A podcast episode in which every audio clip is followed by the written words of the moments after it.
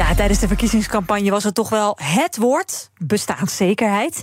Alleen na 22 november hebben we er toch een bijzonder weinig meer over gehoord. En ook vandaag weer heel weinig, ondanks de laatste cijfers van het Nibud. Want dat uh, maakt bekend dat de koopkracht stijgt, maar de laagste inkomens die gaan er weer op achteruit.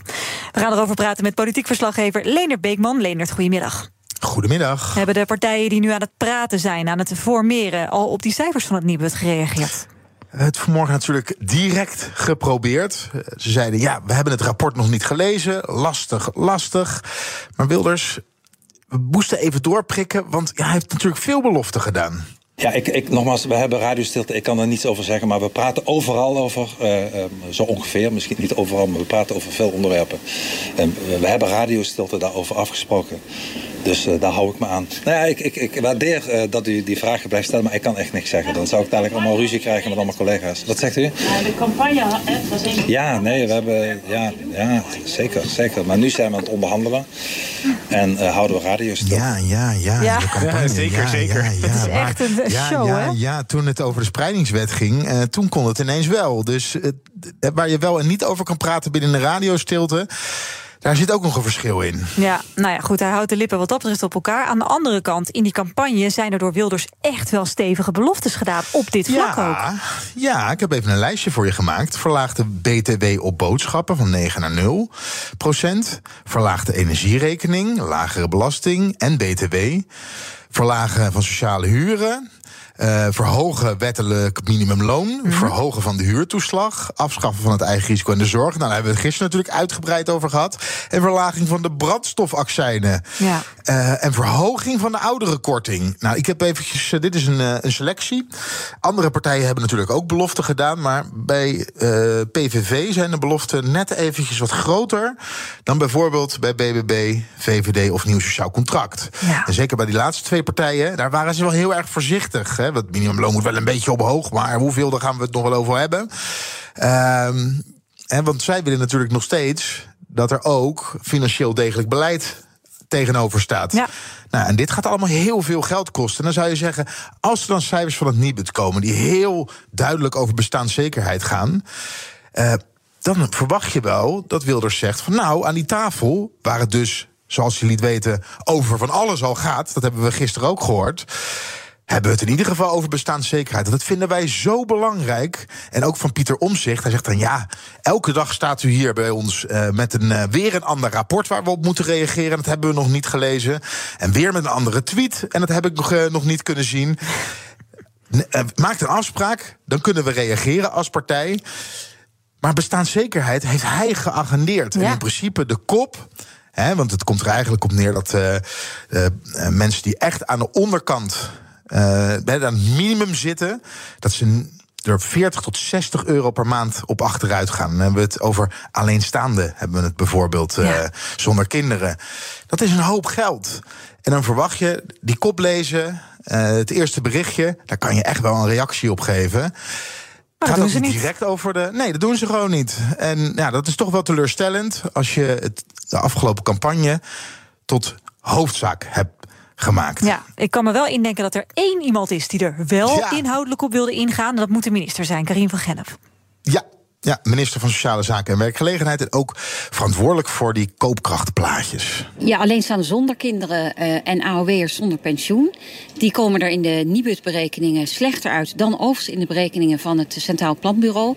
Iets andere berekening. En in die berekening van het Centraal Planbureau een klein minnetje, maar nog steeds. Dit zijn de groepen die het zwaar hebben. Nu berekent nu dat het om 40 tot 60 euro per maand gaat. Juist bij een groep, zij kunnen dat niet missen. Eh, heeft u dan nog een soort vangnet voor, eh, voor deze mensen? Ja, voor deze mensen hebben dus het tijdelijk noodfonds energie. eh, waar ze met hun hoge energierekening terecht kunnen. Om daar eh, voor steun te vragen ehm, om die energierekening te kunnen betalen. Ja, en het is dus het oude kabinet. En eh, het oude kabinet komt toch nog met een maatregel, of dat was eigenlijk al genomen, om mensen bij te staan. Het is niet genoeg. Nee. Maar wat ik me nou, Nina en Kees, wat ik me een beetje. eh, ik ga terug naar de tijd dat Wilders in de Kamer bij dit soort cijfers ging staan en zei: Het is een schande en er moet vandaag iets aan veranderen. En dat klopt natuurlijk, mensen moeten ook eh, rond kunnen komen. En waarom doet het kabinet niets? En nu moet er een nieuw kabinet komen. En is het aan hem om het te doen? En ook bij Pieter Omzicht wel een beetje.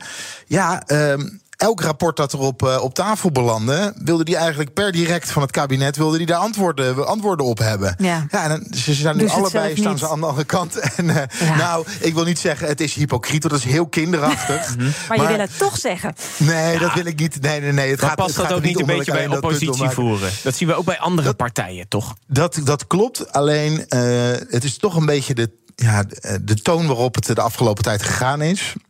En je zag dat gisteren natuurlijk ook als een boemerang terugkomen. En ik voorspel je dat het nog veel vaker gaat gebeuren.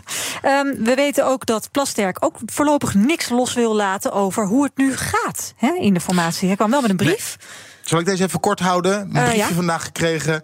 Tussenrapportage gaat er niet komen over het formatieproces. We moeten gewoon afwachten. Dat was een vraag van GroenLinks, Partij van de Arbeid en Partij voor de Dieren. Gewoon afwachten tot die klaar is. Net liet hij even weten. In de, in de week van 12 februari wil die klaar zijn. Misschien net daarvoor, op 9 februari. En anders op 12 februari, zodat er in de week voor het reces nog over gedebatteerd kan worden.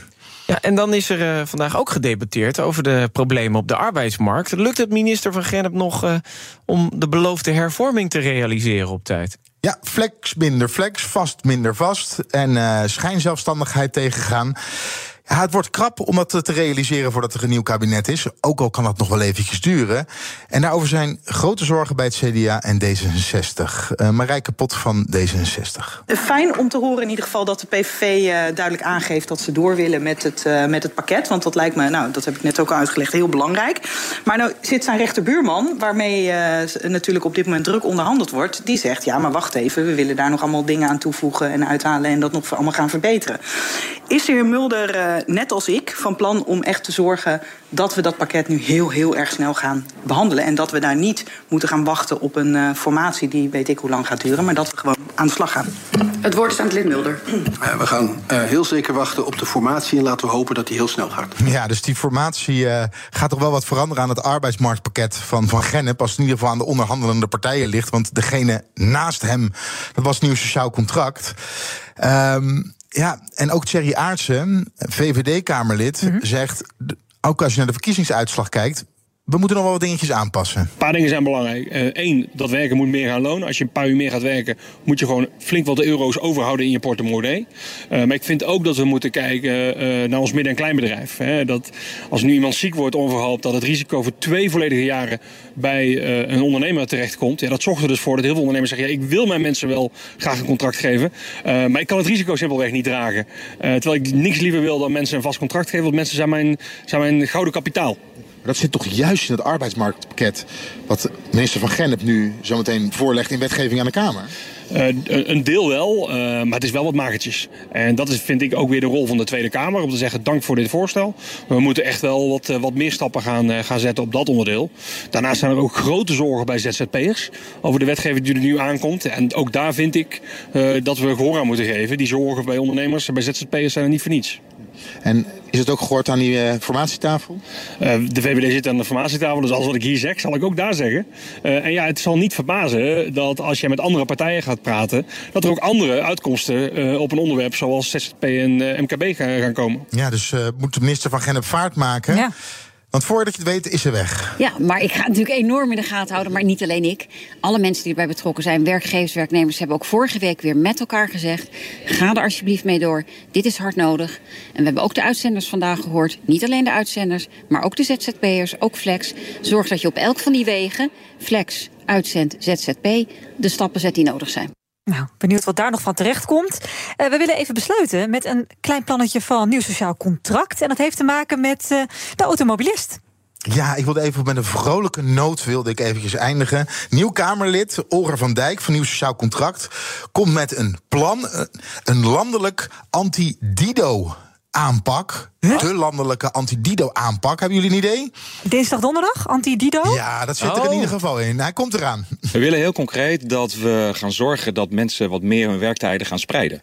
Over de dag en over de week. Dus niet allemaal voor de uur op dinsdag, donderdag binnen zijn... en om vijf uur weer de trein terug of de auto terug op de weg uh, gaan pakken. Als ik heel eerlijk ben, heb ik dit soort initiatieven... in allemaal verschillende vormen al heel vaak voorbij hebben, heb ik zien komen. Hoe krijg je het dan voor elkaar? Nou, wat er nu al gebeurt is dat er met provincies en gemeenten uh, ja, gesproken wordt met werkgevers of met onderwijsinstellingen. Want dat vinden we ook van belang. Studenten die kunnen er ook iets in betekenen.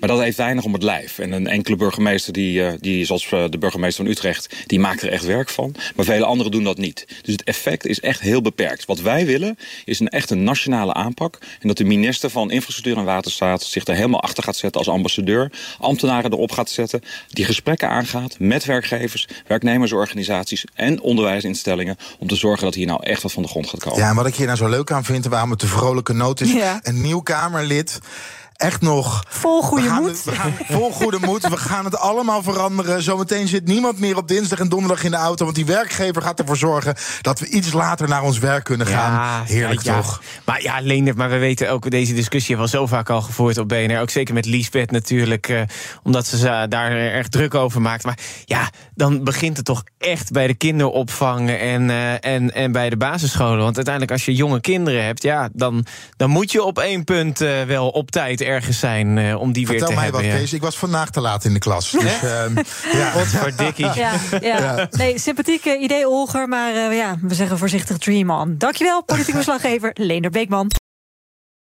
Ook Thomas van Zeil vind je in de BNR-app. Je kunt live naar mij luisteren in Zaken doen. De BNR-app met breaking news. Het laatste zakelijke nieuws. En je vindt er alle BNR-podcasts. Bijvoorbeeld Het Nieuwe Geld. Download nu de gratis BNR-app en blijf scherp.